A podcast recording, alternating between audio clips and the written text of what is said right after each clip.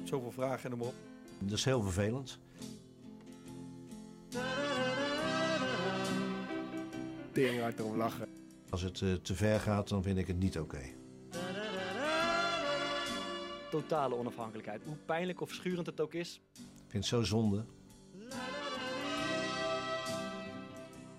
Ja, maar vriendin is ook geen 13. En dan moeten we zo houden. Maar ik ben altijd wel eh, redelijk eh, serieus en normaal geweest.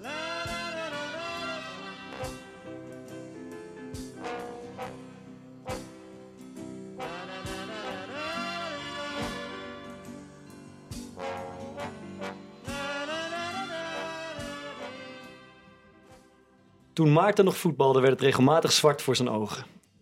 Thomas zat een keer in het holst van de nacht een groep gasten achterna met een hele grote hamer. En ikzelf hielp ooit twee veel te jonge meisjes aan de drugs. Maar onze gast van vandaag zal niet echt onder de indruk zijn van ons criminele track record. Als documentairemaakster sprak ze met gangsters, TBS'ers en andere misdadigers. Ze zag alle hoeken van de maatschappij en daar willen we graag meer over horen. Vandaag bij ons de gast Jessica Vilerius. Ik was zo benieuwd waar die intro naartoe ging. Ik probeer even te schetsen dat wij ook wel eens boefjes ja, eh, zijn nee, geweest. enorm. Ik ben in shock. Ja. Ehm, leuk dat je er bent. Eh, ja, we hebben je eigenlijk uitgenodigd omdat je eh, een hele reeks aan, eh, aan bijzondere films hebt gemaakt. Over eh, loverboys, eh, criminelen, ter dood veroordeelden. eh, de kinderen van Ruiner Wold, eh, recent. Over de streep, staat me bij. Over de streep, ja. Eh, Marc Dutroux zelfs is het eh, allemaal mee begonnen, als ik me niet Ja, vergis. klopt. Ja. Ehm, maar ook eh, de documentaire over eh, Memphis Depay eh, komt van jouw hand. Eh, en daar willen we het graag zo over hebben, omdat het ons natuurlijk als voetballers eh, interesseert. Ehm, eh, wat me eerst opviel, in, in de reeks van documentaires die je hebt gemaakt, zit er twee keer een voetballer in. ja, klopt. Eh, Memphis Depay dus, maar ook eh, Glenn Helder. Ja, Is dat, heel lang is dat- geleden. is dat toeval dat je twee voetballers hebt verfilmd? Nou ja, ik zou bijna zeggen wel. Ja, Glenn was 2008. Ja, eh, Glenn was natuurlijk niet helemaal toeval, want die, eh, nou, jullie kennen zijn verhaal denk ik een beetje. Hè? Hij heeft eh, ontzettend aan de top gestaan. Ehm, was ook heel veelbelovend, maar gleed af. En ja, het beroemde zwarte gat. En uiteindelijk ja, op het randje van, van, van de samenleving, zeg maar, beland. En dat intrigeerde mij natuurlijk. Ik heb niet zoveel met sport of met, met voetbal in het bijzonder, maar wel met mensen die moeilijke dingen meemaken of die iets moeten overkomen.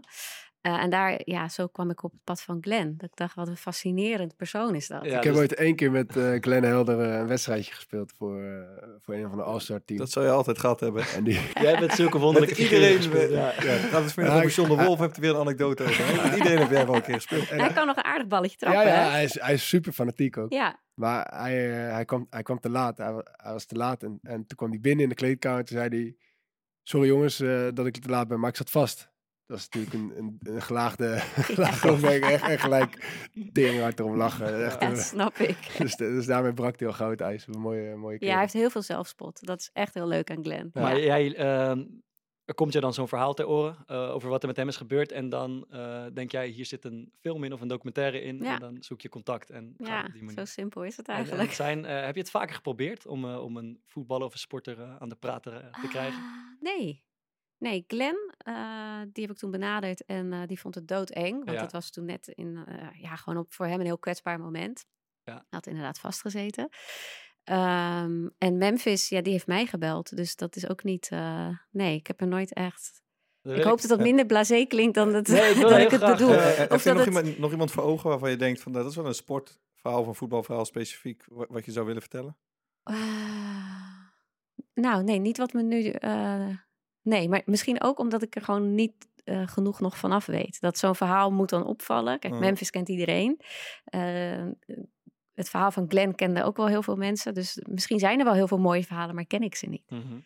Dus eh, waarsch- waarschijnlijk heeft iedere topsporter een fantastisch verhaal. Want ze hebben natuurlijk allemaal enorm hard moeten werken om aan de top te komen. Ja, goed verhaal. Ik, ik, ik denk, als je een documentaire maakt over mijn leven, dat er niet heel veel mensen gaan kijken. Denk ja. je? Ja, ik denk Ja, eigenlijk nu... Ik eh, denk dat die van jou spectaculairder is dan die van ons. ik wil me voorstellen eigenlijk, als ze nog niks te doen hebben, dat ze eigenlijk jouw leven nu al vastgelegd. Want ik denk eh, dat er wel een Je kunt je inschrijven. Nee, nee, ik denk niet. eh, nee, nee, ik vind het. eh, ik vind Totale het- chaos Is, van de is, er eens wel een keer leuk om op te sommen? Want wa- wat doe jij nu? Jij bent gestopt vorig seizoen. Ja, ja. En wat doe jij nu in de week? Nee, ja, ik doe het- wel veel dingen, maar dat betekent niet dat, dat er gelijk een documentaire over gemaakt eh Nee, maar niet over die... Het gaat toch ook vaak over hoe dan zo'n persoon met zo'n situatie omgaat. Ja. Dat is in jouw geval natuurlijk ook wel... eh, Ken- jij kent de leuk, film Uncut Gems toch ook? Eh, Over die eh, Joodse... ja, die ja, die ook heb gezien. keer aangeraden, denk ik. heb ik aangeraden. Gewoon, die in Oh. een gigantisch tempo zo door het leven jaagt en 15 ballen in de lucht houdt. Dat is een beetje hoe ik Thomas Verhaar de afgelopen eh, maanden voor me zie. Ja. ja, op dit Dan wordt moment gewoon een docu van 10 minuten. Dan Ja, je ja, alles ja. in. Ja, Ik denk dat de beste manier om het, om het samen te vatten is, je bent eigenlijk veel te druk. ja. Eh, je hebt denk ik op misschien wat veel dingen eh ja gezegd, dat je ook al, bijna alles vooral op voetbalgebied leuk vindt. En dan komen we net, het is nu, eh, het is woensdagmiddag. En we hebben eh, in plaats van smiddags nemen we s'avonds op. En we staan beneden en Neil Petersen zegt, hey, waar, doe je vanavond mee 7 tegen 7? En dan komt er toch een twinkeling in zijn ogen. En dan denkt hij, daar moet ik bij zijn, daar moet ik bij bij. zijn. En dan hoor ik hem net, heeft hij half uurtje later nagedacht. Zegt, ja, ik ben eigenlijk ook wel veel van huis en ik kan het niet maken. maar dan wil hij eigenlijk gewoon weer door, toch? ja, als ik ergens een potje kan voetballen, dan, dan ben ik er wel bij. Normaal Dan gesproken. moet alles wijken. Ik er niet. Wil iemand eh, nog iets kwijt? Ja, nou ja, ik denk dat we... Bart heeft bij eh, Oranje Zomer gezeten bij eh, Johan Derks en René van der Gijp. Dus Jullie veren dat- helemaal op met is- Ja, ik denk dat we ook dat toch even moeten bespreken. Ja, is. Ja, ik, eh, het is leuk dat Bart zit vaak, om jou een beetje context te geven. eh, Bart is heel erg gewild op televisie, want wij maken altijd een geintje, maar ik denk wel dat het echt zo is. Bart heeft een televisiehoofd en wij hebben allebei een radiohoofd. Dus wij, worden nooit, wij worden nooit gevraagd voor de, voor de televisie. Kunnen we alleen maar beamen. Dus ja, en eh, dus nu zat Bart weer bij, eh bij wat, hoe heet, het? VE Oranje Zomer. Heet. Ja, ja, ja. Eh, maar dan gaat die groepsapp, die gaat dan natuurlijk wel heerlijk lopen. En dan zitten we te wachten tot hij, wanneer komt hij nou, wanneer heeft hij nou wat inbrengen. En dan zie je hem toch een klein beetje nerveus. Maar Ja. je weet het altijd mooi, eh, eh, hoe zeg je dat, down to playen, of te downplayen. Mhm. Maar het leukste was dus dat op een gegeven moment komt er zo'n break. En ehm, ja, die, die tweede helft. ik, kwam niet mocht, meer in, je mocht niet meer. ik kwam niet meer in het stuk voor. Nee. Nee, dus Thomas hebt, eh, hij is gewisseld in de rug. Ja. en ik zat daar nog, ik zat op de, op de, voor de mensen die het niet gezien hebben, ik zat op de, eh, aan de bar. Eh, Ja. dus ik zat niet aan tafel, eh godzijdank, maar aan de bar. En dan zit je eigenlijk een beetje te wachten tot je, ja, tot je de beurt krijgt van de, van de juffrouw. Eh, en die kreeg ik eh, ja, heel mondjesmaat. Eén, twee keer kon ik zo'n tussenzinnetje... eh, Wat waarvoor zat je daar dan? Nou, om het over de podcast te hebben, onder Oké, andere. Eh, en, Ja, en zijn trainer die is eh, assistent bondscoach geworden. Dat, dat, eh, ja, oké. En eh Cor Pot, dat is eh, de, de- de- de- waar onze podcast min of meer naar vernoemd is. Eigenlijk een slecht woordgrapje, maar die, eh, die wordt ook aan die tafel best wel veel besproken. Mhm. Dus dat was natuurlijk een leuk bruggetje te Ja. maken. Maar eh, ik, zag, ik zat inderdaad, ik dacht het is pauze. Ik heb, eh, ik heb twee dingen gezegd. Kijk even op mijn telefoon. Ik zag die geintjes van die jongens. ontploft. En ik, en ik denk, maar ik zal toch na de rustig wel het veld inkomen, dacht ik. Want we hebben het nog nergens over gehad. En er Als loopt ook, en er loopt ook zo'n klok loopt mee tijdens de uitzending. Dus ik zie die op een gegeven moment van 20 springen naar 15, naar 12 en naar 8. En ik denk, ja, Dit wordt wat niet. het wordt, de het wordt de absolute slotfase. Toen ging het na drie minuten en toen dacht ik, nee, dit, het was echt, eh, dit was het voor vandaag. Vond je hem goed, eh Fok?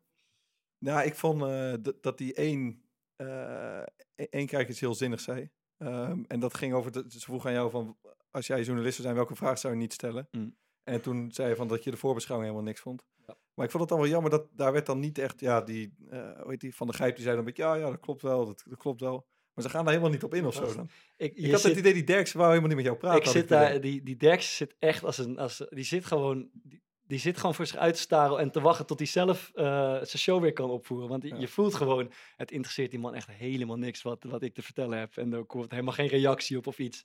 Eh, ja, dus dat is eigenlijk een Wat, wat, wat vind jij ervan? Nee, de- ja, er was mij wel één ding. Dat is hetzelfde stukje. Toen hij zei, vertelde, het ging even over journalistiek. Bart heeft zelf journalistiek gestudeerd. Dus toen vroeg eh Helene Hendricks, eh, die vroeg... eh, ja, ik denk dat we het gewoon best even, eh, even kunnen laten horen. ik wil het nou ook wel horen, ja. Hoe journalistiek vind je dit programma?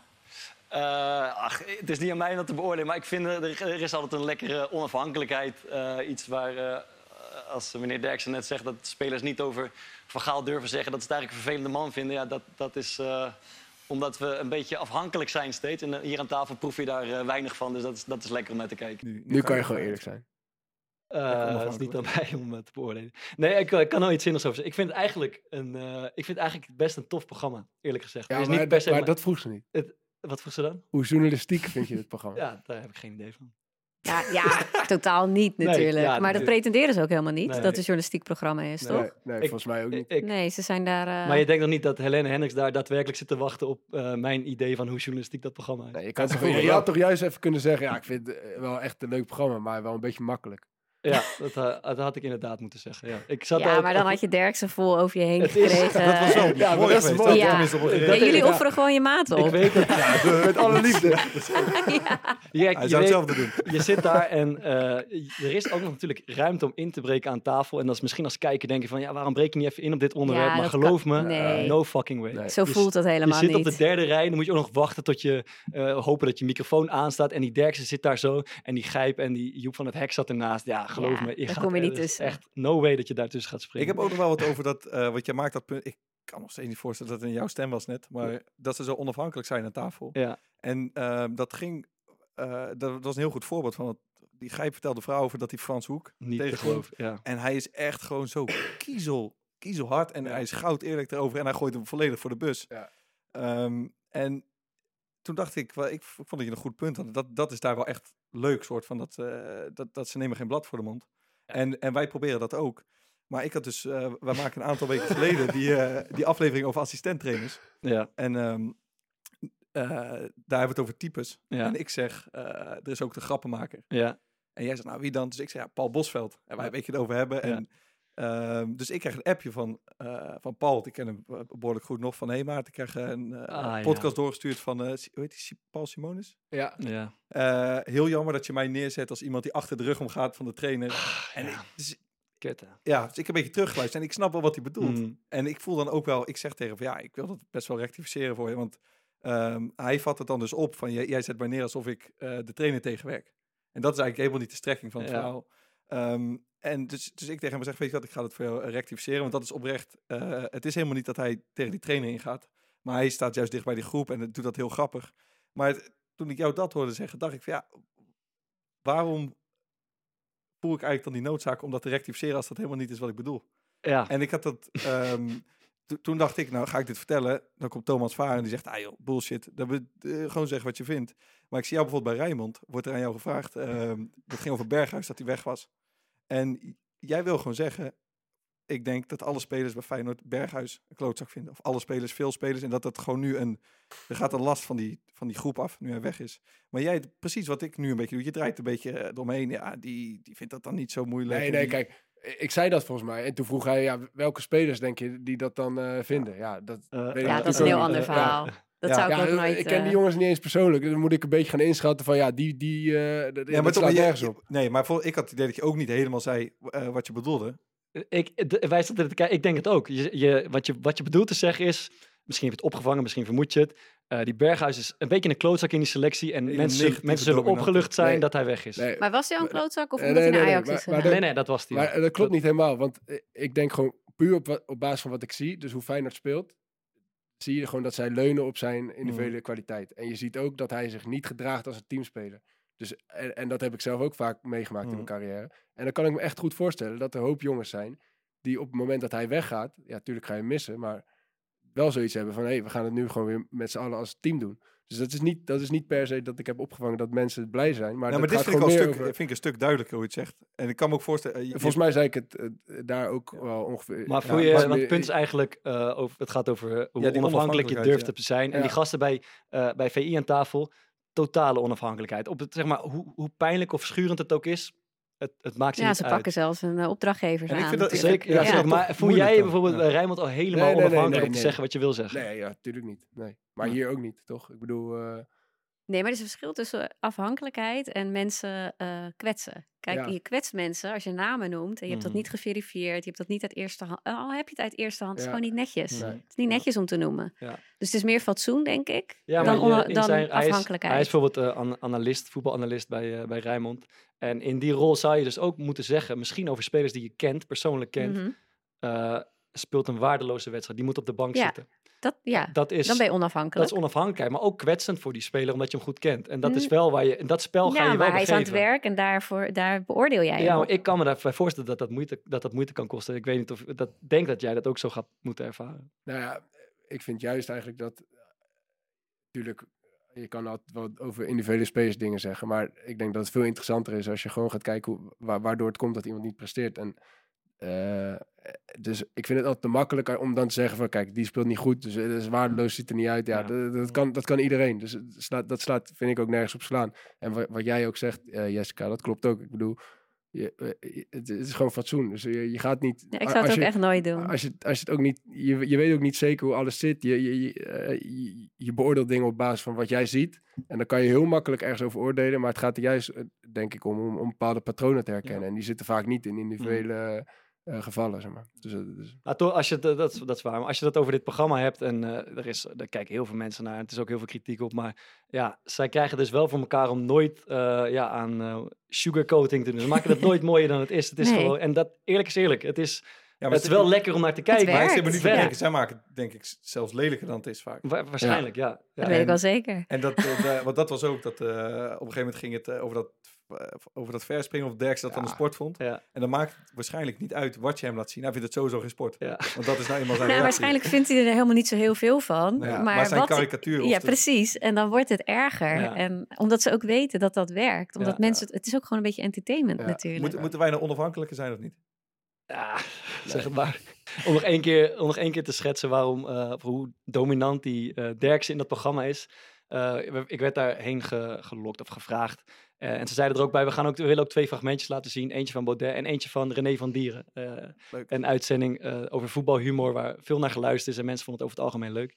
Eh, dus dat was het eigenlijk. En ik dacht, ja, dit en dit is een leuk fragment, daar gaan we het even over hebben. En dat hebben we zeker niet eh, En, afgespeeld. eh, en toen, vijf minuten voor de uitzending, zei, eh, kwam die redacteur naar me toe en die zei dat fragment van, van dieren, dat ga, gaan we niet doen, eh, want er is het risico dat Johan het plat slaat. Dus zeg maar, Oh, als hij, als die gast vertelt, is een grap, best een goede grap. Eh, en er is daar dus het risico dat Johan dan gaat zeggen en luisteren, eh, gaat luisteren en zegt, hebben ze ook nog leuke grappen? En dan zeg maar, op tv is dat extra pijnlijk voor, voor, eh Dat voor, wel mooi geweest. die Ja, dat was echt heel en mooi. dan, dan moet ik daar dus gaan zitten verdedigen dat het wel degelijk een leuke grap is. maar goed, dat, Ja. eh, het, was een, eh, het was een leuke ervaring, laat ik het daarop houden. Nou, gelukkig. Ehm, Thomas mocht nog iets weggeven, mocht, hoorde ik. Ja, die eh, seizoenskaarten.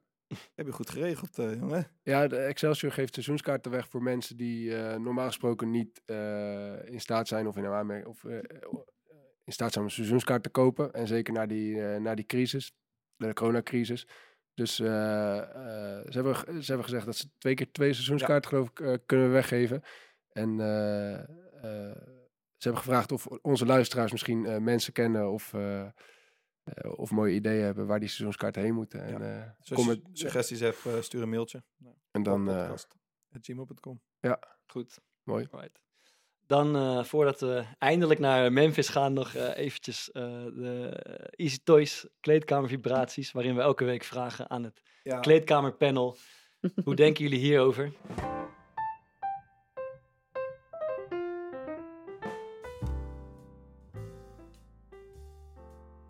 Toys. Kleedkamervibraties.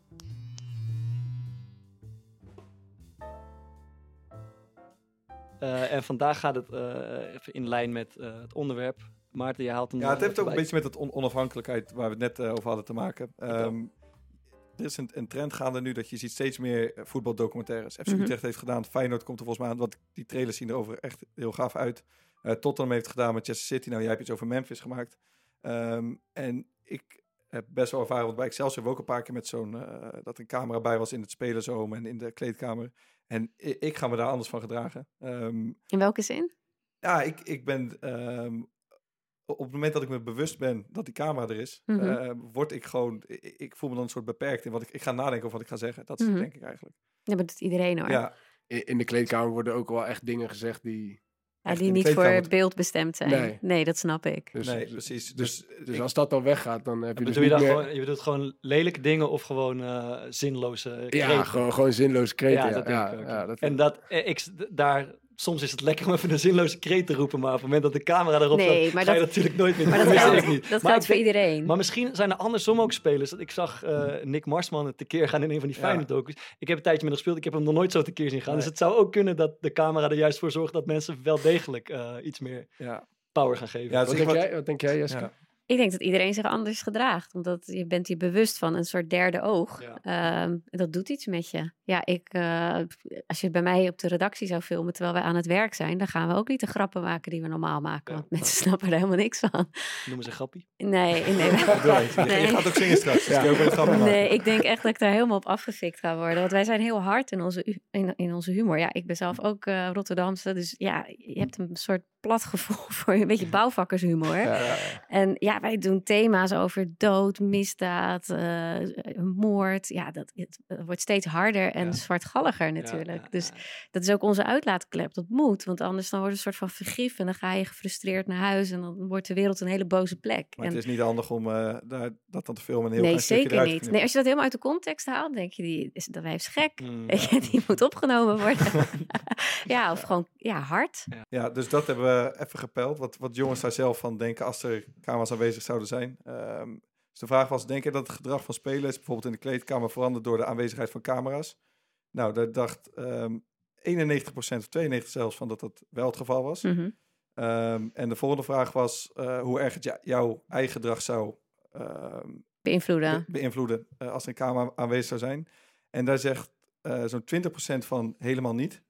Ehm, maar ook zo'n 20% dat het juist wel heel erg invloed zou hebben. En ik denk eerlijk gezegd... En die andere 60?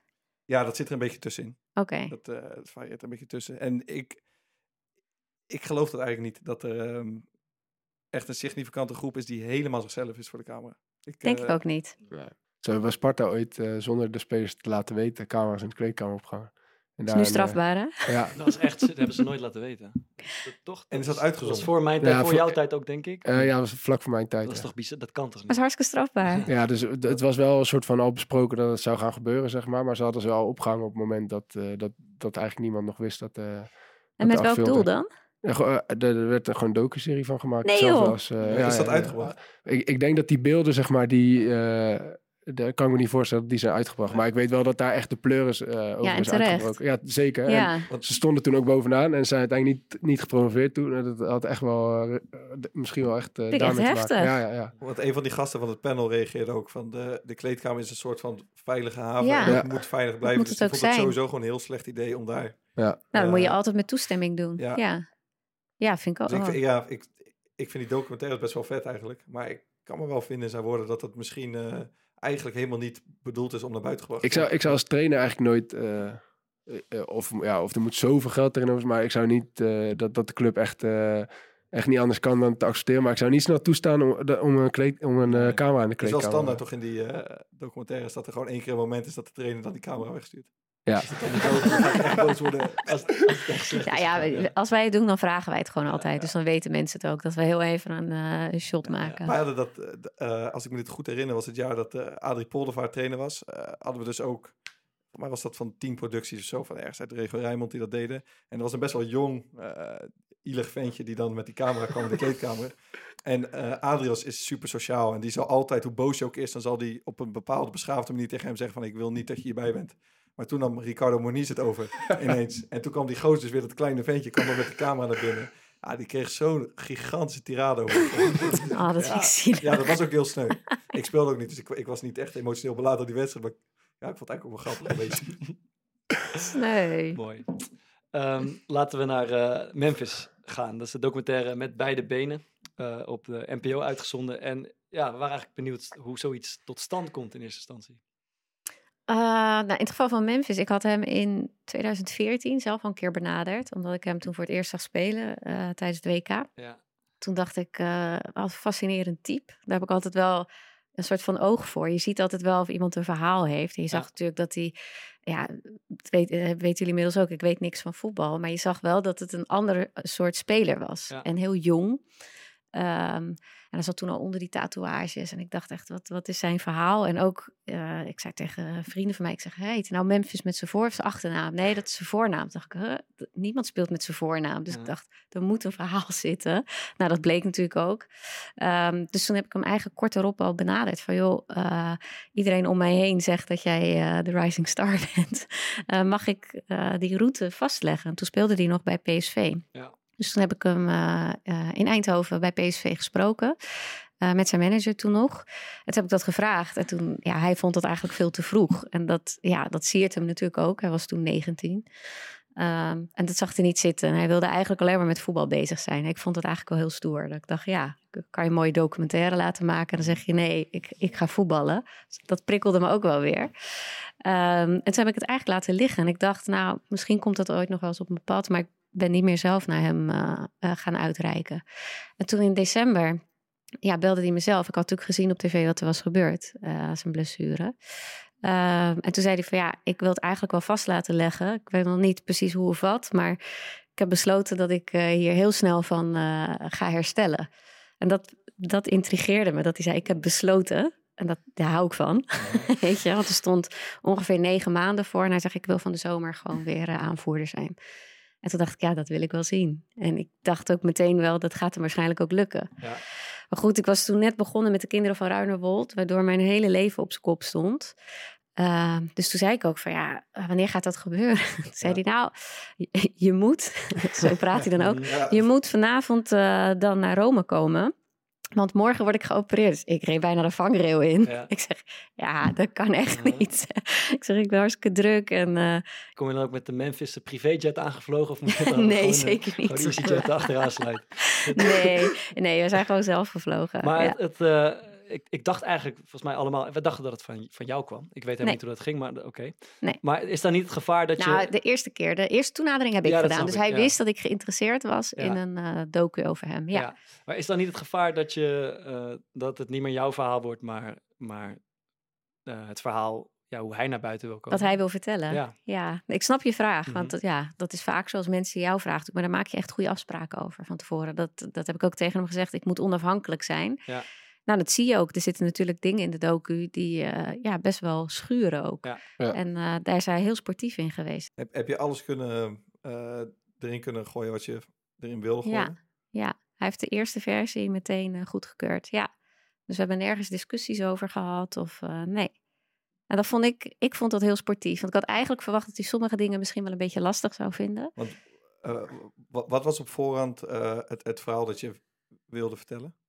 Nou, dat is leuk aan documentaire maken, dat weet je nooit van tevoren. Want je, einde staat niet vast. Kijk, mhm. in principe hadden we bedacht, voordat corona uitbrak, uh, ik leg zijn revalidatie vast tot aan de eerste wedstrijd uh, dat, hij weer gaat, uh, dat hij weer op het veld staat. Of mhm. in ieder geval, we hadden gehoopt dat dat dan het EK zou zijn. en toen kwam corona natuurlijk. Dus ja, dan liggen de opnamen gedeeltelijk stil. Dan ga je kiezen, is dit dan je einde? Ja, vond ik een beetje deprimerend. Vond ook niet dat het hem dat recht deed. Want hij had mhm. zo'n, ja weet niet of de film dat goed uitlegt, maar had, hij heeft echt een militair schema gevolgd. Dat wil je niet weten. Hij heeft er alles voor opzij gezet. Dus ik dacht, ja, dat doet, doet de, de topsporter gewoon geen recht. Als je mm. dit dan zo als einde hebt. Ja. Dus toen zeiden van, nou, ik wil wel graag doordraaien. En dan tot aan het EK, totdat het wel gespeeld wordt. Of in ieder geval je eerste Champions League wedstrijd. En die keuze heb ik toen gemaakt. Van dan iets langer. Ja. En ben je, ben je blij met het resultaat? Ja, voor wat er mogelijk was, zeker. Ja, ik had liever gehad dat het EK in 2020 mm. doorging, want dan had je gewoon een mooie apotheose. Uh, maar nee, ik ben heel blij met uh, wat, we hebben allemaal mogen, uh, wat we allemaal hebben mogen doen. Ja. Want hij was daar heel toegankelijk in. Ja. Ik, wij, wij mochten zo vrij zijn om ook te delen wat, wat wij ervan vonden. Zeker. En ik had eerlijk gezegd, ik, ik had bij Memphis gehoopt, want ik vind hem ook een fascinerende figuur altijd. Mm -hmm. Omdat hij een beetje zo ja, introvert iets om zich heen. Dus iets bozigs heeft. Maar ik, hij heeft gewoon iets om... Ja, als je hem ziet lopen op het ja. veld of hij komt ergens binnen, er, er gebeurt iets. Ja, mm-hmm. en ik, uh, ik had dus gehoopt dat er iets heel iets inspirerends of iets heel inspirerends of desnoods iets heel warms of zo in hem zat. Um, maar ja, dat, dat ontdekte ik niet. Nee. Uh, en ik weet niet of dat iets over die film zegt of iets over hem. Maar dat vond ik jammer. En daardoor kreeg ik het gevoel, want ik heb ook uh, veel van je andere documentaires gezien. Of een aantal. En dat zijn stuk voor stuk verhalen waarvan ik denk, ja, dit, dit verhaal moet verteld worden. Of ja, dit, uh, dit kan je niet laten liggen. Hier moet echt over gesproken worden. Maar bij, bij Memphis specifiek had ik het idee, ja, ik, ik voelde niet de, het belang van dat dat verhaal uh, verteld moest worden, eerlijk gezegd. Dus dat, vond ik, uh, dat vond ik er een beetje jammer aan. Nee, maar dat snap ik ook heel goed. Want ja. Eh, ik moet ook eerlijk toegeven, het is de eerste keer dat het me niet gevoelsmatig niet helemaal gelukt is ja. uh, om tot iemand door te dringen. Ja. Hij heeft toch best wel een, een muur om zich heen. Um, buiten de camera's ken ik hem wel anders uh, warmer. Ja. Uh, maar het is toch iets wat hij, ja, dit is wat hij bereid was om te laten zien. En ja. dat is hij ook, hè? Want zoals je hem ziet, dat is hij ook. Zo, ja. zo maak ik hem ook echt mee. maar het was ongelooflijk moeilijk om, ja, om, om daar door te komen. Maar dat komt ook, hij heeft, ja, dat moet ik dan ook zeggen, best wel negatieve ervaringen met de pers natuurlijk. Dus ik begrijp dat ook. Ik, eh, op een gegeven moment, we hebben daar denk ik ook een, eh, een of we hebben daar een fragment van. Ehm, ik vind dat je me een hele goede vraag stelt op een gegeven moment over ehm, zijn eh, voorbeeldfunctie die hij heeft. En die Mhm. ook heel graag wil uitdragen, maar dat hij daar tegelijkertijd ook een extreem uitbundige levensstijl eh aankoppelt. En of hij dan, ja, je, volgens mij probeer je de vraag een soort van hem te stellen van, vind je eigenlijk niet gewoon dat je dat dan, als je zo graag zo'n voorbeeld wilt zijn voor jongeren, dat je dan moet laten zien hoe het ook kan. Want nu eh, eh, vind ik, ik vond hem een hele inspirerende gozer. En na die documentaire, ik vond het een heel tof verhaal om te zien hoe hij herstelde. Maar ik had op iets meer diepgang bij hem, zeg maar, Mhm. van de persoon Memphis eh, eh, gehoopt. Want ja, ik vind eigenlijk dat hij heel erg ehm, eh, bijdraagt aan dat soort van beetje Instagram, social media theater, wat je bij veel mensen ziet. En dit is nou eenmaal wat een succesvol leven is, dat je veel auto's hebt en dat je dure kleren hebt. En Een soort Hollywood rap, rapper bestaan leek en- hij te willen laten zien. Of. Maar, maar daar is er ook niet zoveel mis mee.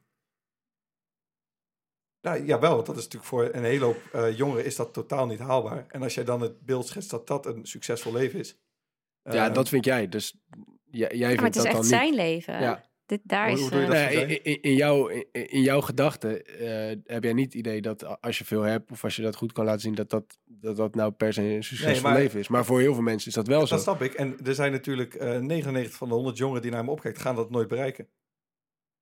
Nee, maar dat geldt voor heel veel Ja, ja, topsporters. dat maakt dan toch niet uit. Ja, maar dat kan, dat kan dat Dus, toch best dus, wel. dus als jij iets bent wat iemand anders niet kan worden, mag je niet als voorbeeld. nee, dat zeg ik niet. Maar ik denk dat hij, eh, als hij zo graag een rolmodel wil zijn voor jongeren.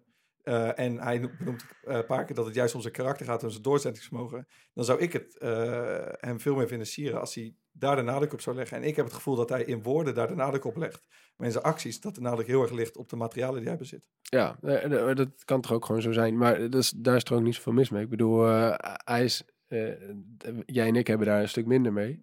Maar eh, er zijn heel, heel veel mensen die heel veel waarde hechten aan eh, dure Ja. spullen, mooie auto's, weet ik het wat. En, en daar is hij de een van. Het is ook en een dat beetje ik, cultuurgebonden, hè? Dat, ehm, Dat, Laten we, even- voordat jij dat over dat fragmentje toch? Misschien moeten we die Ja, even, dat even laten horen. Dit is zeg maar wel inderdaad hoe wij opgegroeid waren. Een symbool van oké, you made it. Dat is in onze cultuur. Dat is in de black culture. Al neem je dit morgen weg. Ik ben nog steeds hetzelfde Memphis. Omdat het, dat, dat zit er binnenin. Want ik denk dan, als ik dat zie, denk ik... meer dan alles zegt jouw spel en jouw talent... en jouw talent voor muziek, volgens mij, dat je het gemaakt hebt. Meer dan Ja. spullen, toch? Ja, zeker weten. Maar wat ik zeg, al neem je dit morgen weg, ben ik nog steeds hetzelfde Memphis. En dat heeft mij niet gemaakt. Wat mij gemaakt heeft, is mijn karakter. Wat mij gemaakt heeft, zijn mijn, zijn mijn wonden. Zijn mijn, zijn mijn littekens. Ik denk dat sommige mensen denken van... ja, maar al die spullen, auto's... Ja, maar eh, focus je even niet op die spullen. Nee, nee, het is niet wat ik vind, hè? Nee. Ik, ik, ik, eh, ik reflecteer alleen, ja, ik reflecteer alleen wat, wat ik lees en wat ik zie. Ja. Eh, en mensen zeggen natuurlijk, ja, al die spullen, auto's, het overschaduwt het feit dat je een prachtig rolmodel Ja, bent. Dus jij zou als rolmodel ook kunnen zeggen, ik doe dat niet. Zodat die jongeren echt zien waar het om gaat. Namelijk spel, talent, doorzettingsvermogen. Die extreme focus die je hebt. Ja. Dat is echt bijzonder. Dat is ook bijzonder. Maar ik ga je eerlijk zeggen, al ben je op vakantie en je scheurt in een Lambo, dat is ook leuk. En waarom niet die balans? Ja, eerlijk. ik, ik vond het wel heel eerlijk. Ja, ik, het eh, is ook super eerlijk. En daarom heb ik het er ook in gedaan. Want dit is, dat, dit is hij ook, weet je. Ik geloof hem als, je, als hij zegt... Als dit morgen allemaal wegvalt, heb ik nog steeds dezelfde vrienden. Hij heeft allemaal hele loyale vriendschappen. Hè? Dus eh, dat geloof ik. Dat, hij vindt het prachtig dat hij het nu heeft. En dat hij zo'n eh, eh, ja, rijk leven heeft. Maar ik denk echt dat als, als hem dat wordt afgenomen... Dat hij, dat hij daar ook prima mee kan leven. Dus daar komt hij ook vandaan. Hij had ook niks vroeger. ja.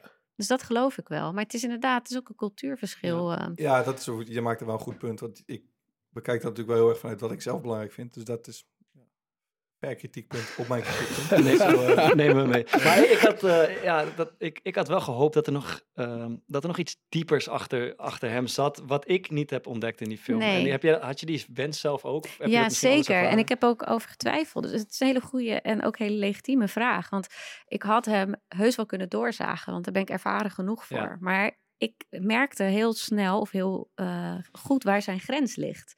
Eh, en wat je niet wil, en dat doe ik niet bij de kinderen van Ruinewold, niet bij een TBS'er, maar ook niet met een eh, superster.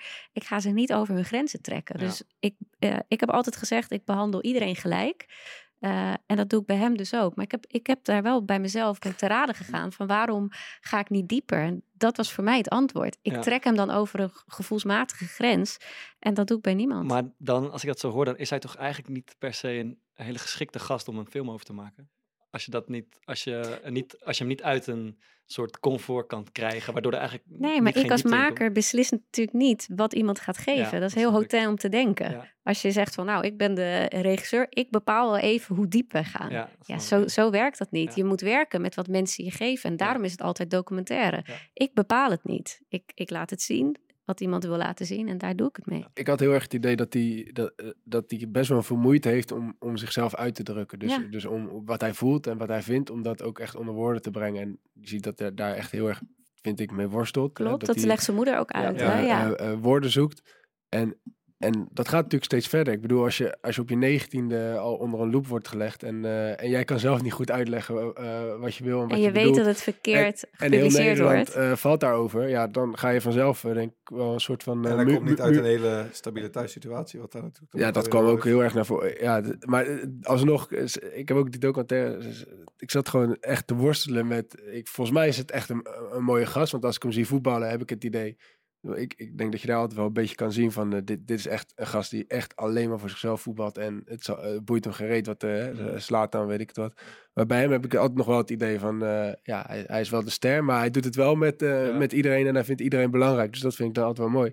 Maar ja, toch zitten dan die dingen in die documentaire dat je denkt van ja, dit kan toch niet. Hoe die, hoe, eh, gewoon hoe je, hoe je zelf nooit zou doen. En, en, nee, het schuurt. Ja, ja, Dus dus eh, nou ja, wa- wa- wa- wat jij zegt over die dingen, als ik dat zie, vind ik dat ook lastig. Over, over die materialistische dingen of over een, eh, eh, dat je iemand hebt die. Eh, jus die, die, die, die, die inderdaad je jus moet roeren. Ja, dat, dat, vind ik moeten we even overdreven. Dat moeten we even uitleggen. Er is een dat soort was ik niet. Hè? Die is een Gerard's roert. Er is een vrouw, ik denk een, Britse vrouw in, in zijn huis. En Ja, die, die eh, roert zijn jus en die pakt zijn flesje water aan die een stukje verderop staat. En dat is een soort, ja, hoe noem je, noem je zoiets? Ja, Ja, Butler. Butler, Butler. Ja, butler, ja. Maar Zijn dat, assistent, dus zij, zij, Ja. maar zij regelt ook al zijn vluchten. Ja, en ze zorgt dat hij overal op tijd Maar goed, is. ze wordt er ook voor betaald, denk ik. En ook denk ik wel goed. Dus dan is het ook eh, dan is het misschien ook wel niet zo raar. Als je, Ja. als je, als je daar geld voor over hebt, Ja. dat iemand jou, ja, dan, is het, dan hoeft het ook niet per Ja, se ik, raar te moet, zijn. ik moet ook wel heel eerlijk zijn. Ik had hem de eerste keer gekeken en ehm, ik een soort van zo half gepikeerd. Van, hoe kan Ik dat helemaal nou? Gefrustreerd zitten kijken. ja, een jij. beetje zo. van- En, en, appen, en, app, en appen naar mensen van, "Yo, heb je, heb je, dit, heb je dit gezien? Je kijken, die gozer zit gewoon zo- en die vraagt dan om een flesje water twee meter verderop en die hebt dit en dat. Maar ik heb hem dus, eh, omdat je deze week kwam, ik heb hem gisteren nog een keer gekeken. Weer gefrustreerd? Nee, veel minder. En dan, eh, ik zie nog steeds dingen waarvan ik, dat, ik kan dat helemaal niet bij mezelf plaatsen. Maar dan, eh, ik heb me bijvoorbeeld ontzettend verbaasd, vooral de eerste keer, eh, vond ik dat echt krankzinnig dat zijn moeder stond te wachten eh, Mhm. daar buiten. En dan de, de scène de ochtend daarna, waar hij dan een soort van zegt, ja, ik, ik was niet thuis, ik kon er niks aan doen. Mhm. Maar het was mij gewoon helemaal ontschoten toen, blijkbaar in mijn frustratie. En de- dat hij wel in eerste instantie daar een soort excuses maakt. Mhm. Dus zo waren er wel meerdere dingen toen ik de tweede keer keek. En dat je dan iets van die frustratie of dat je je eigen projectie heel erg opdoet van wat normaal is. Nou, soms, ik wel een stuk mooiere momenten. soms dat merk ik ook wel eens dat in, in de montages die ik maak, eh, dat hoor ik ook wel eens terug van bijvoorbeeld de omroep. eh, soms is het iets te gelaagd en ga ik ervan uit dat eh, mensen zien wat ik zie. Maar ik heb natuurlijk een bepaalde ervaring, maar zo ben ik ook geschoold dat je Mhm. dingen op een psychologisch niveau een beetje ontleedt. Waarom die specifieke scène erin zit, is omdat ik daarmee wil laten zien. Het, ik twijfel niet, en ik denk dat niemand twijfelt aan dat hij dol is op zijn moeder. Hij doet alles voor haar. Dus hij, hij was blij dat ze kwam. Eh, maar wat ik daarmee wilde laten zien is dat je, als je op zijn niveau eh, voetbalt of op zijn niveau presteert, dan word je geleefd. Dat merkten we ook als wij in Dubai waren. Als je met hem over straat loopt, die wil niet weten wat er gebeurt. Ik vind het achterlijk. Volwassen gasten die zich echt heel raar gaan gedragen, omdat ze Memphis Depay zien lopen. Dat, dat is echt bizar. Dat, dat heb ik nooit, ik heb dat nooit begrepen. Dus die avond werd hij geleefd. Hij moest ergens heen en eh, dat ging allemaal te snel. En daardoor was hij er niet. En dan denk ik, dat is de keerzijde van, de, van het eh, profvoetbal, dat eenzame. Want eigenlijk, ik weet zeker dat hij waarschijnlijk liever bij zijn moeder was. Maar er gebeurt dan iets en dat is dan te groot en dan, dan Ja, precies, gebeurt nu, dat. Nu, nu leek het eigenlijk een soort van alsof hij gewoon Ja. uit eten was. Of weg was. Of feesten feesten. met, Ja, met snap Pogba ik. en, en Pelle aan een, aan een, wat- Nee, dat was niet zo. restaurant de tafel. Nee, dat was niet zo. Nou, ja, ik zie daar ook dat de kleine jongen zich Ja. schaamt tegenover zijn moeder. Mm. Want hij kijkt er niet aan en Ja. hij, draait zich een beetje weg. En ik kon er niks aan. Hij schaamt zich, dat Ja. zie ik. Maar goed, dat is dan Ja, misschien is, iets te gelaagd. Dat, dat is wel leuk. Nee, dat, ja, juist wel goed. En dat heb ik dan Ja. gewoon eh, niet, niet, goed gezien. En wat je net in het begin ook zei, is dat je, eh, waar, waar je zelf afvroeg of het, dat verhaal goed naar buiten komt, dat hij echt zo'n Spartaans regime daar heeft. Mhm. En ik denk, eh, als ik heb hem nu twee keer gezien, op mij komt, ik zie meer een soort jet set life. Komen van iemand die wel keihard werkt. En ik, ik heb hem wel eens zonder shirt over het veldje lopen. En ik ken wat jongens die met hem gespeeld hebben. Ik weet een beetje wat zijn werkethos is. En dat Mhm. is ja, belachelijk hoog. Dus Louis Scherp, Ja. ja. Ehm, maar ja, we, ik denk eigenlijk om daar eerlijk op te antwoorden, dat op, op mij is het meer, ik zie een soort ja, jet set iets voorbij komen van iemand die Hm. echt een soort Hollywood leven leeft. En niet per se inderdaad dat Spartaanse regime. Nee, en daar zit je dan in de edit een beetje mee te stoeien. Hè? Want je wil niet dat het alleen maar over Ja. ehm, het eh, herstel gaat. Want Mhm. veel meer voetballers hebben dit natuurlijk meegemaakt. Dus je wil het ook niet groter maken dan het is. Dat wilde hij zelf ook niet. Omdat hij zegt, ja, er zijn meer mensen met deze blessure. Eh, dus daar hou je dan ook rekening mee. Dat het niet alleen maar daarover gaat. En hoe fantastisch het is dat het hem lukt. Dus je probeert een beetje een balans erin te zoeken. eh, om een waarachtig beeld te schetsen. En die, dat hele jetset... eh, mij trekt dat helemaal niet. Maar ik snap wel dat dat bijzonder is om te zien. Mhm. Want dat Ja. is een, een wereld die voor heel veel mensen natuurlijk heel ver weg ligt. Maar dat is zijn wereld. En het eh, karakteriseert hem. En daarom is het een onderdeel van de film. Omdat, ja, zo leeft hij. En Ja. dat moet je ook niet gaan wegstoppen dan, vind ik. Eh, spreken jullie elkaar nog? Jazeker, ja. Hoe gaat het dan? Gewoon appie Nou, of Ja, we bellen elkaar niet s'nachts Ja. hoor. kan ook. Ja. Nee, nee, ik heb met iedereen eigenlijk altijd nog contact. Dus ook met hem, ja. Het is vrij druk dan, want je hebt een aardige... Ja, ik heb een eh, enorm balboekje. Ja, Ja. wer- werktelefoon. Nee, ik heb er één. Ja, iedereen zegt altijd, je moet eigenlijk een eh, persoonlijke en een eh, privé. Maar dat werkt niet. Ik ben altijd aan het werk. Misschien eh, eh, eh, even iets anders, maar wa- wat is voor jou ehm, de documentaire geweest of het project waar je, waar je aan hebt gewerkt wat je het meest is bijgebleven? Ja, Ruinerwold. Ja. Ja. En Nou, dat deed, eh, ja. deed tegelijk, dus Ja. tegelijkertijd met eh, Memphis. Ja. Had je dan niet soms, als je dan in zijn wereld kwam, eh, dat het dan moeilijk is om die schakeling te Ja. maken tussen eh, hoe eh, ja. extreem Het krankzinnig gaat dat ja, verschil aan de ene Ja. kant gaat het over een, iemand die eh, helaas zijn kruisband afscheurt en na negen maanden voor moet revalideren. En aan de andere kant gaat het over een, eh, een gezin, ik probeer het goed uit te leggen, die in een boerderij in een dorp in Drenthe eigenlijk is vastgehouden door de vader. Ja. En eh, niet zijn geregistreerd in de gemeente en daar gewoon zijn opgesloten en op Mhm. Hij denkt vreselijke dat manier hij, zijn dat hij behandeld. een soort messias Ja. Ja. is. Dus je, je vraag is, eh, stoort dat wel eens in je Ja, hoofd? als je zeker. ja. Ja, Ja. Dat, dat je dan aan het filmen bent met hem. Zeker. eh, ehm, omdat je net zei, ja, hij wil het zelf ook niet te groot maken. Maar toch Mhm. ook wel het begin van die documentaire. ehm, ja, het, het is ook logisch, want het is voor hem natuurlijk echt het middelpunt van zijn leven. Mhm. en, en het doet hem heel veel. Maar ik, ik zit dan, eh zo heb mijn brein, dan denk ik, verdomme, dat hebben ze net Ruine Wold gemaakt. En dan zit hij hier nu te vertellen dat het, die eerste week was een hel. Het was een hel. Ik heb dat, zoveel pijn gehad. Ja, Oh, maar dat, dat schakelen kan ik heel makkelijk. Want ik kan me heel goed voorstellen dat dat dan zijn wereld Ja. is. Het is meer dat je, ehm, als je er een beetje boven hangt, dat je er af en toe last, last van hebt. Of als je in een vliegtuig Ja. zit, terwijl je denkt, wat hebben we gisteren in godsnaam nou vastgelegd? Over Ruinewold bijvoorbeeld. Ja. En dan zit je in een vliegtuig naar Dubai. En dan denk je, ja, dit is een krankzinnig leven. Eh, dat is het meer. Maar als ik eh, op het moment dat ik met Memphis aan het filmen ben, ben ik ook echt alleen maar met hem Ja. bezig. Dus dan, dan kan je dat ook makkelijk afsluiten. heb je voor zo'n documentaire serie als Ruine Wold echt tijd nodig om dat zelf een soort van te verwerken daarna?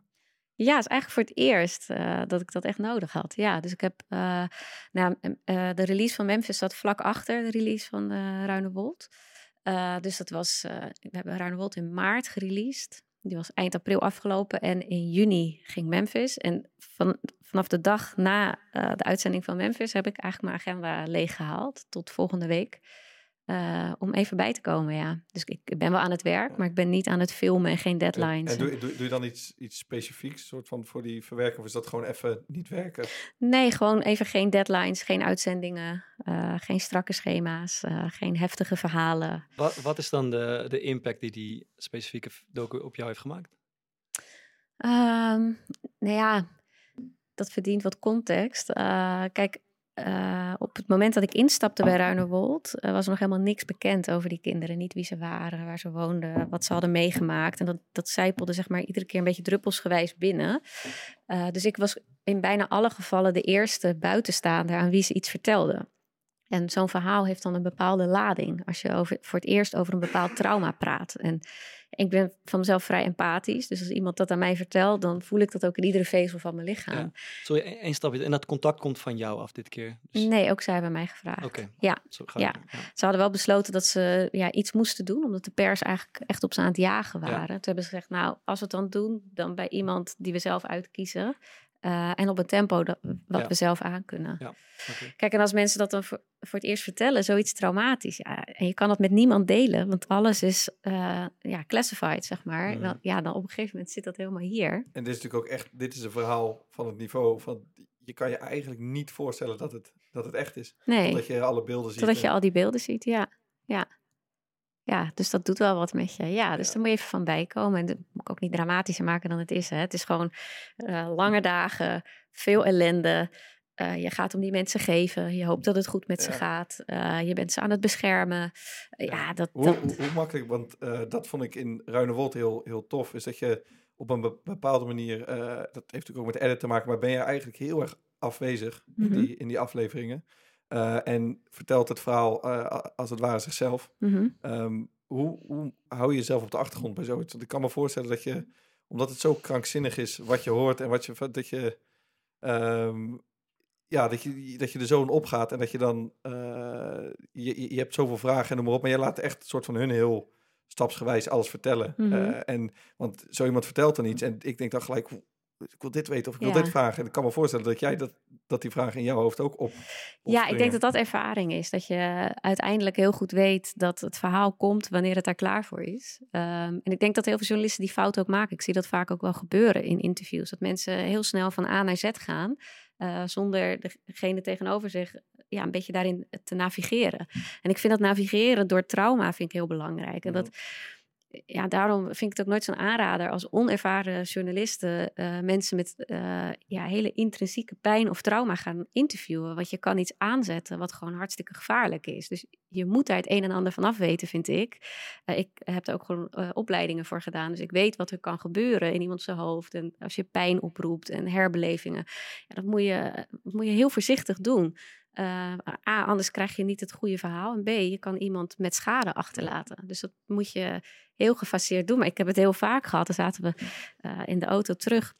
En dan hadden we twee uur interview gehad. En dan bracht ik iemand weer naar huis. En dan zei ik ook van ja, zo frustrerend. Ik heb een miljoen vragen. Maar ik ga ze nog maar niet stellen, want het heeft tijd nodig. Ja. Dus dat doe je dan een volgende keer. Soms eh, kwam dat pas maanden later en soms kwam het een dag later. Dat bepalen zij uiteindelijk. Het is hetzelfde als bij Memphis. Hè? Uiteindelijk bepaalt jouw hoofdlijn ja, wat ze durven te vertellen. En le- le- heb Wel je als- raar, zo heb ik het eigenlijk nooit bekeken. Ik dacht, eh, Dat de interviewer bepaalt. Of? ja, ja. Nou, kijk, de interview bepaalt denk ik wel eh, in hoeverre mensen die vrijheid voelen of Ja. durven, grotendeels. Kijk, ehm, je hebt natuurlijk mensen die gewoon eh, absoluut niet graag praten, Luister, moeilijk Bart. praten. Mhm. dan kan je nog zo goed zijn, dan krijg je het er niet uit. Maar als het gaat om eh, pijn of nou ja, dingen die heel gevoelig liggen, dan denk ik dat het interview zo goed wordt als, dat de, als de vragen zijn die worden gesteld. En hoe meer open vragen je stelt, eh, dus met minder eh, verwachting, Ja. eh, hoe authentieker je verhaal uiteindelijk wordt. Dus als je ook de, de paar vragen die erin gemonteerd zijn, dan hoor je ook dat ik eigenlijk alleen maar open vragen stel. Ja, Ja, Open vragen, boys, vanaf nu. dat ik, is ik, echt heb, zo. ik, heb, ik heb er nog wel eentje. Ehm, wa- eh, ik vroeg me, want het gaat, als je jouw filmlijst ziet, gaat het vaak over hele extreme gevallen, over heel veel leed. Wa- waarom ben je daar zo tot aangetrokken? Ja, heb ik eigenlijk al van jongs af aan gehad. Ik Ja. las vroeger, eh, toen ik eh, elf of twaalf was, las ik al boeken over Jack the Ripper. Weet je. Mijn Aha. moeder maakte zich echt zorgen. ik dacht, wat is dit? Ja, Kon, dat, kon eh, twee kanten op. ja, nou precies, het kon echt twee kanten op. Dat zeg ik ook wel eens. Je zal wel blij zijn dat het muntje deze kant, dat had ook, eh, ja, het, het fascineerde me. En nog steeds, ik, eh, ik raak daar niet eh, op uit onderzocht, op Mm. het, het criminele brein en de schade. Waar, waar ik zelf heel erg benieuwd naar ben, ehm, eh, als je een aantal hele extreme misdadigers, zo zou ik ze kunnen noemen, toch, eh, hebt gesproken en daar heel dichtbij bent gekomen en hebt geïnterviewd, ehm, ben je dan ook op een andere manier tegen misdadigers gaan aankijken? Of zie jij iets gemeenschappelijks ehm, in dit soort verhalen? Nou, wat ze bijna allemaal gemeen hebben. Ik heb nu, eh, ik geloof, bijna 50 moordenaars gesproken wereldwijd. Die spreekt ooit een moordenaar, dat bedoel ik. Dat is, dat is een hele interessante Ja. eh, ingang. toch? Nou, het Ja. enge is dat ze dichterbij zijn dan je denkt. Ah. Daar zal ik je niet te veel mee vermoeien. Eén op de vier. Een beetje Gor- Gordon, Gordon uitspraken. Ja, Dus dus we in, de, zouden- in kleedkamer zitten er vijf. Nee, maar... ehm, eh, Maar, wat bedoel je daarmee? Nou, dat. eh, ehm, er zijn natuurlijk meer mensen die eh, ofwel in staat zijn of dichtbij een bepaald delict zijn geweest, of het ook echt hebben gedaan, eh, zonder dat je het misschien weet. En die passeer je dus gewoon op straat. Weet je, de, de kans dat jij een keer een moordenaar hebt gepasseerd op straat is gewoon 100%. Mhm. Maar dat weet je niet. Dus dat is het eh, niet zo geruststellende hieraan. Eh, Do- ik Thomas- zoek ze op. Ja, Dat Thomas is- is... een keer met een hamer naar buiten gestormd. Ja, dat hoorde ik net in de En intro. als, als die gasten niet een straatje weg waren geweest. Wat was, wat was het gebeurd? Nee, nee, ik, wa- ik was al heel snel weer tot... Ja, maar iedereen is daartoe in staat. Hè? Dat is ook geen illusie. Ja. Dat Ja, denk je dat echt? Ja, nee, dat weet ik. Dat is zo. Ja, in, in- bepaalde... Ja, bepaalde triggers. Ja. Moet je voorstellen dat ze je er kinderen iets wel, aandoen. moet wel, ja, er, ja, er moet wel een hoop gebeuren voordat... eh, Ja, eh, ja. Maar is, dat is dat wat Als- je als ik eruit verlies met wat je- partijen, dan, Oh ja, dat was je vraag, Ja, sorry. ik. Als, als ik verloor met partijen, dan eh, was ik ook wel eens... eh, Nee. En sorry, eh, wat vroeg je ook weer? Ja, dus eh, kijk, je, je concludeert dat het iedereen zou kunnen zijn. Maar is er ook iets... oh, de is er- rode draad. Ja, is er iets Ja, gemeenschappelijks Dat, tussen die? eh, over het algemeen, niet allemaal, maar bijna alle daders zijn eh, op een bepaald moment eerst slachtoffer geweest van iets. Eh, dat hebben ze vaak gemeen. Dus daarom kijk ik wel iets zachter naar daders. Maar je kunt eerder zeggen dat ik een bepaalde naïviteit kwijt ben. Door 50 eh, of bijna 50 moordenaars gesproken te hebben. eh, Wat bedoel je dan met slachtoffer van iets? Want dat is wel heel... Vaak breed. zijn ze slachtoffer van huiselijk geweld, eh, intimidatie, seksueel geweld, ehm, ehm, eh, eh, eh, Ja, wel echt heftige dingen. eh, ernstig pestgedrag. Ja, er zit eigenlijk altijd wel een soort van trau- trauma onder. Niet altijd. Je hebt natuurlijk ook gewoon de gestoorden, De- die mensen overhoop steken, of de ISIS-soldaten. Eh, daar is natuurlijk gewoon iets heel anders mee aan de hand. Nou goed, van, zelfs van ISIS zou je kunnen zeggen, die worden opgevoed met een bepaald idee, zonder wederhoor, en die groeien daarin. Ja, maar die worden, had ik het idee, die worden ook wel echt eh, uitgekozen. Ja, daar wordt... Dus, ja, de- dus daar wordt volgens mij echt op gescreend. Dus dat Zeker. zal misschien wel ook wel te maken hebben met, eh, met trauma's of met uitzichtloze Zeker, er zijn vaak toch Ja. wat mensen die wat zwakker zijn. Ja. eh, met je- alle respect eh, voor de personen, maar ja, die hebben een bepaalde zwakte. En had je bij al die gevallen het gevoel dat er een, eh, iets van een geweten aanwezig was? Eh, bijna, bijna, niet bij allemaal, Hmm. nee. Nee, bij, van sommige mensen moet je gewoon constateren, dit, eh, ja, dit wordt nooit meer wat. Ja, ik, ik eh, heb geloof ik een eh, aantal weken geleden de, een podcast van Peter R. de Vries, waarin hij vertelde onder andere over zijn vak. Eh, Maar hij vertelt ongeveer hetzelfde verhaal oh, echt? hoor. Dat, nou, dat liggen we mooi op één lijn. Ja, nee, dat er, dat er voor heel veel eh, misdaad, dat daar een, ja, een hoop achter ligt. En dat je ook maar ja, drie verkeerde afslagen, ik, ik parafraseer, maar dat je ook maar drie verkeerde afslagen kan nemen en het goed mis kan gaan. Maar bijvoorbeeld bij Joran van der Sloot had hij specifiek het gevoel, deze gast is gewetenloos.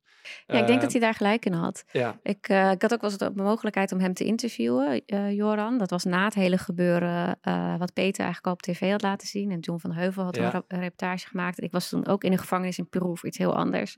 En toen vroegen ze aan mij, omdat ik Nederlands was, van Jeetje, eh, ja. wil je Joran spreken? Toen zei ik, ja, nee, nee. Want ik had het idee, daar doe ik hem een plezier mee. ja. En dat, ik dacht, dat, dat wil ik niet. Ik wil niet dat dat, dat statusverhogend werkt.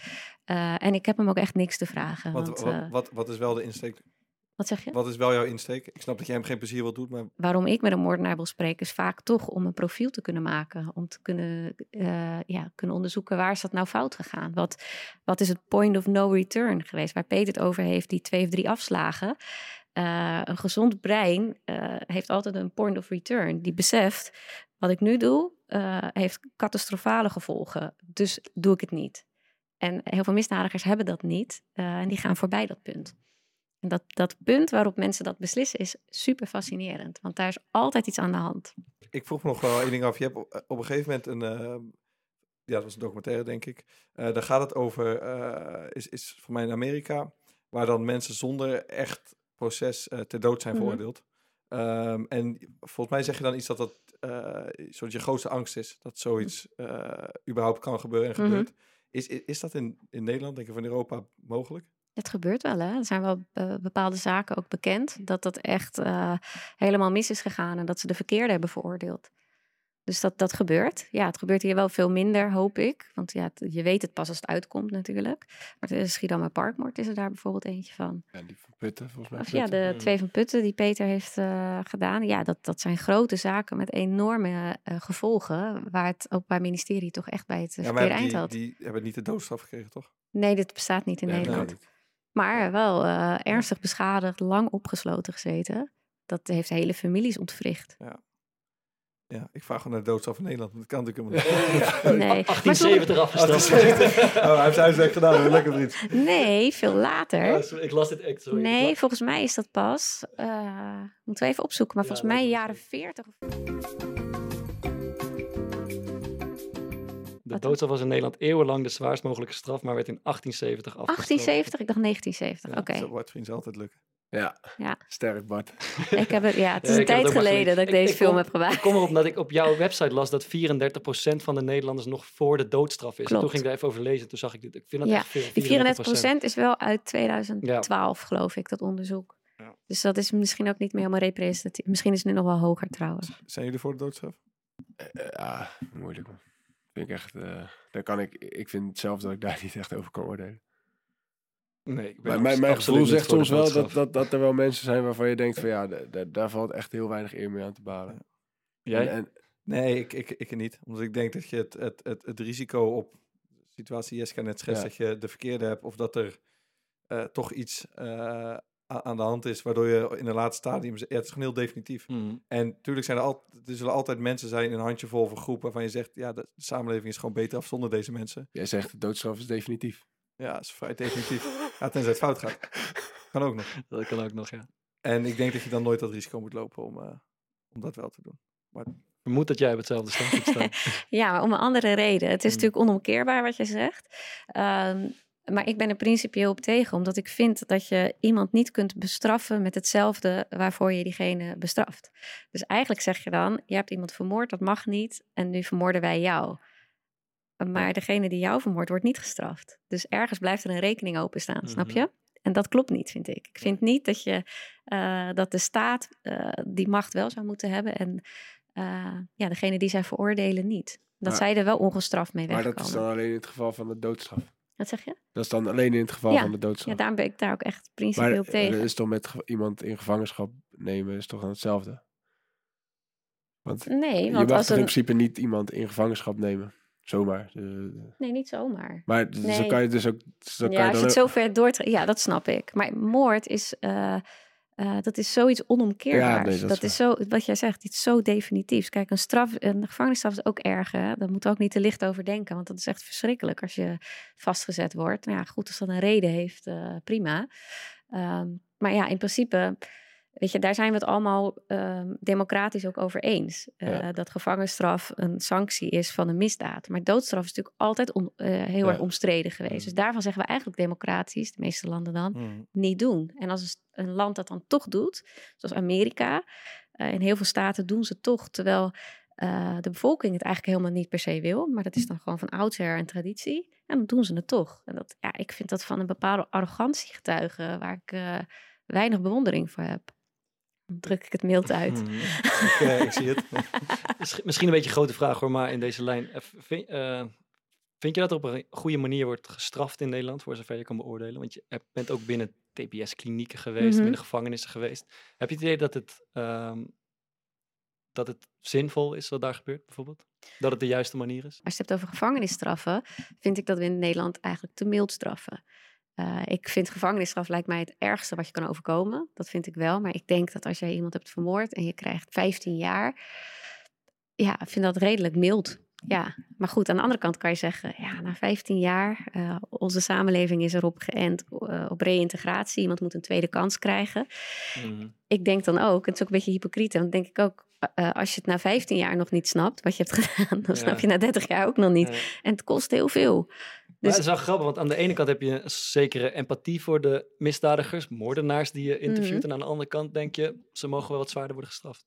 Ja, ik denk dat ik daar gewoon vooral heel realistisch in ben. Ja, Oké, omdat ben je... geen partij. Dat begrijp ik. Omdat je dus eh, misschien ook hebt gezien dat, dat deze gasten eh, dat het wel een goed idee zou zijn om die voorlopig even niet in de maatschappij los Ja, te ik denk dat dat heel vaak een goed idee is. Ja. Ja. maar ik geloof eigenlijk veel meer in behandeling van eh, mensen die zoiets doen. Want het is natuurlijk iets echt niet goed met je als je dit doet.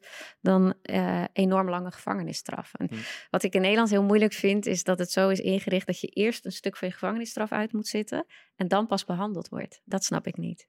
Ja. Weet je, ik, ik, ja, ik vind dat raar. Je moet zo'n behandeling dan gelijk beginnen. Maar goed, je moet ook een soort van vergeldingscomponent hebben voor de nabestaanden. Ja. Ja, het blijft Overal valt een- wat voor te Ja, zeggen. een, een lastige balans, omdat je eh, natuurlijk als je nu heel erg focust op de misdadiger, je wilt dat zo iemand eh, ja, beter wordt, eh, Mhm. her- herstelt daarvan. Maar dat is natuurlijk heel moeilijk, omdat hij wel dan iemand anders leed aan heeft gedaan, wat in principe zijn hele leven doorgaat. Dus ik, Ja. ik- Nou, ik, ik, ik, betrapte mezelf erop bij, eigenlijk heel, heel recent nog, bij de moord op Peter de Vries. Ehm, toen begreep ik ineens, ik krijg ik kippenvel van als ik dat Hm. zeg, maar ik begreep ineens eh, hoe dat voor nabestaanden is. En ik ben geen directe nabestaande van hem, wij waren collega's, wij werkten wel eens samen. Ehm, maar die woede die je richting een dader eh, of een opdrachtgever, of wie er dan ook mee te maken heeft, dat moet nog blijken, maar die je dan voelt, dat is zoiets eh, giftigs. Mhm. Dat een collega van mij ook zei van ja, maar ben je dan niet benieuwd wat die jongens bezielt? Dat ik ook heb eh, geschreeuwd, nee, weet je.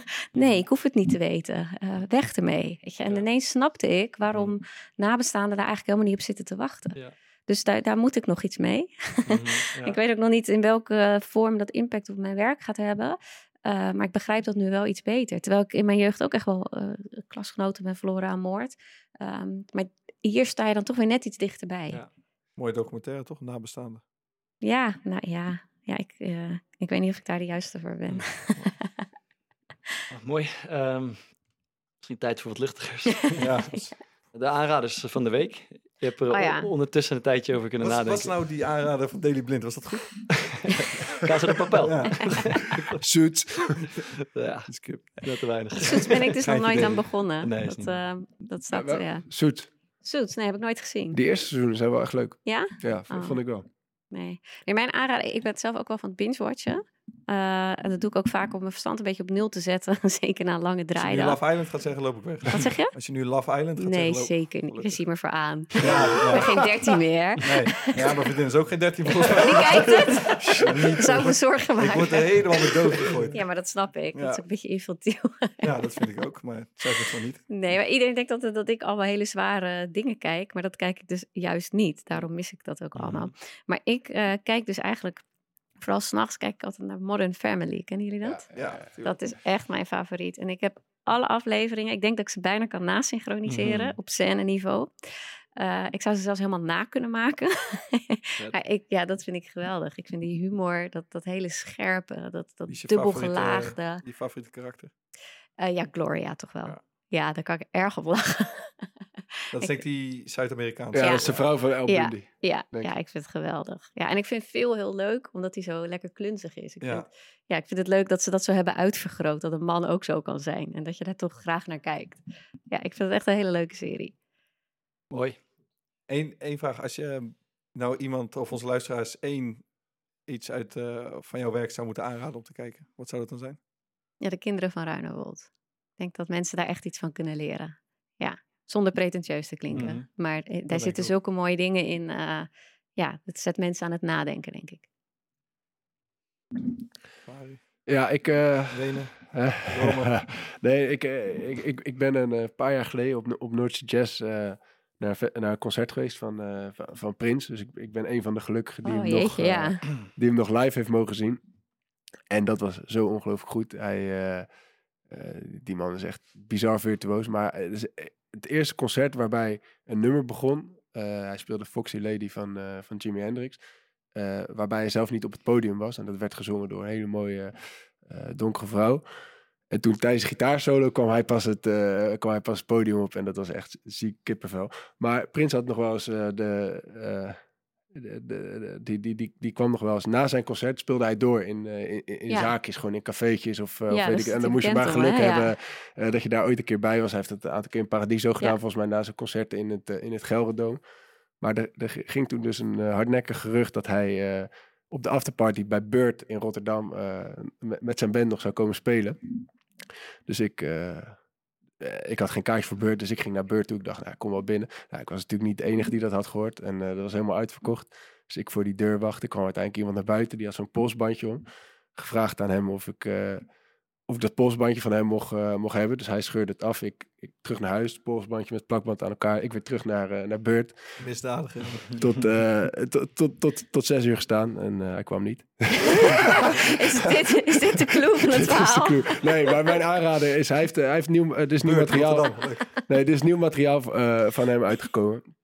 Eh, en dat is zeker het, eh, het beluisteren waard. Want eh, hij, schreef toen echt al hele scherpe teksten over wat er nu al gaande is. Over hoe de maatschappij in elkaar zit.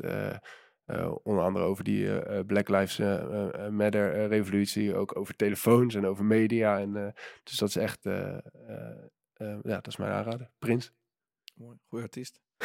ik, ehm, ik, ik hou erg van, van schaken. Maar dat is toch, merk ik voor veel mensen, als je dat nog niet geleerd hebt. Als je eh, bijvoorbeeld 25 bent, is dat best wel een drempel om dat jezelf eh, aan te gaan leren.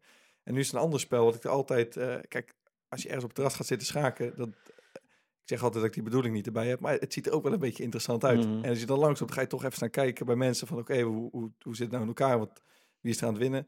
Maar het is nog een ander spel. Want als ik dat bijvoorbeeld op het strand zie of op een terras, dan denk ik van, zo, dat ziet er, nou, dat ziet er echt moeilijk uit. Eh, en dat is backgammon. En dat heb ik Mhm. nu een aantal weken geleden geleerd. Maar dat is helemaal niet moeilijk. Dus dat is ontzettend, ontzettend En heel veel kinderen, toch? Ja, maar het ziet er het is een heel mooi bord en dat ziet er hartstikke leuk uit. Dus ik heb nu met, met De spelregels zijn niet moeilijk. eh, De spel- eh, is- ja, ja, heeft het is ook niet heel lastig spel, nee, oké. vind ik dan. Maar, eh, dus ik heb nu met een aantal vrienden speel ik dat vaak eh één, keer in de week. En ja, dat is echt heerlijk tijdverdrijf. Dus ik kan het iedereen aanraden waarvan, we hebben het wel eens over schaken gehad. Als je denkt van pleur op is te moeilijk, ga lekker Backgammon. spelen. Leuk, mooi. Dat moeten doen. Eh, ik eh, eh, werd mij door mijn oudste broer Marijn met klem geadviseerd om het boek Is dit een mens van Primo Levi te lezen. Ehm, en dat heb ik gedaan en dat is echt bijzonder indrukwekkend. Het gaat over, ehm, hij is een Italiaan die in Auschwitz heeft gezeten en het geluk had dat hij het heeft overleefd, maar ook dat hij waanzinnig kan schrijven. Ehm, dus ja, het zijn eigenlijk getuigen uit, eh, uit Auschwitz. En we kennen natuurlijk, we weten wat er is gebeurd. We hebben er films over gezien. We kennen de verhalen erover, maar zo concreet als hij het omschrijft. En eh, ja, het is, het is verschrikkelijk om echt het verschrikkelijk om te lezen. Maar hij schrijft het super mooi op. Ehm, dus dat zou ik, eh, zou ik jullie willen adviseren om, om ook te gaan lezen. Want ja, dat, ik vond het echt de moeite waard. Hoe heet het boek? Is dit een mens? Heet Is het. dit een mens? Eh, en eh, je had nog, eh, we hadden nog één huiswerkopdracht. Dat is het liedje die je gaat zingen voor ons. Een berg huiswerk gekregen, jongens. Wat ga je zingen voor ons? ik ga hem niet zingen. ja, dat zou het zijn, hè? Nee, maar twee of drie dagen geleden zat ik in de auto en toen ehm, hadden ze het over de nieuwe muziek van The Weeknd die gereleased werd. Met zijn allernieuwste track. Ik, ik vind The Weeknd echt heerlijk. Ik Mhm. gebruik het ook heel vaak in mijn montages. Het is echt een heerlijke melodie altijd. Dus het nieuwe nummer van The Weeknd. Getiteld. Ja, Take My Breath heet hij volgens mij. Cool. Take My Breath. Heerlijk nummer. Vet, dan eh, gaan we eruit met eh, The Weeknd. Ehm, en dankjewel voor je komst. Was, ja, eh, jullie bedankt leuk, voor het mooi. lachen. Dankjewel. Ja. En ja, tot volgende week.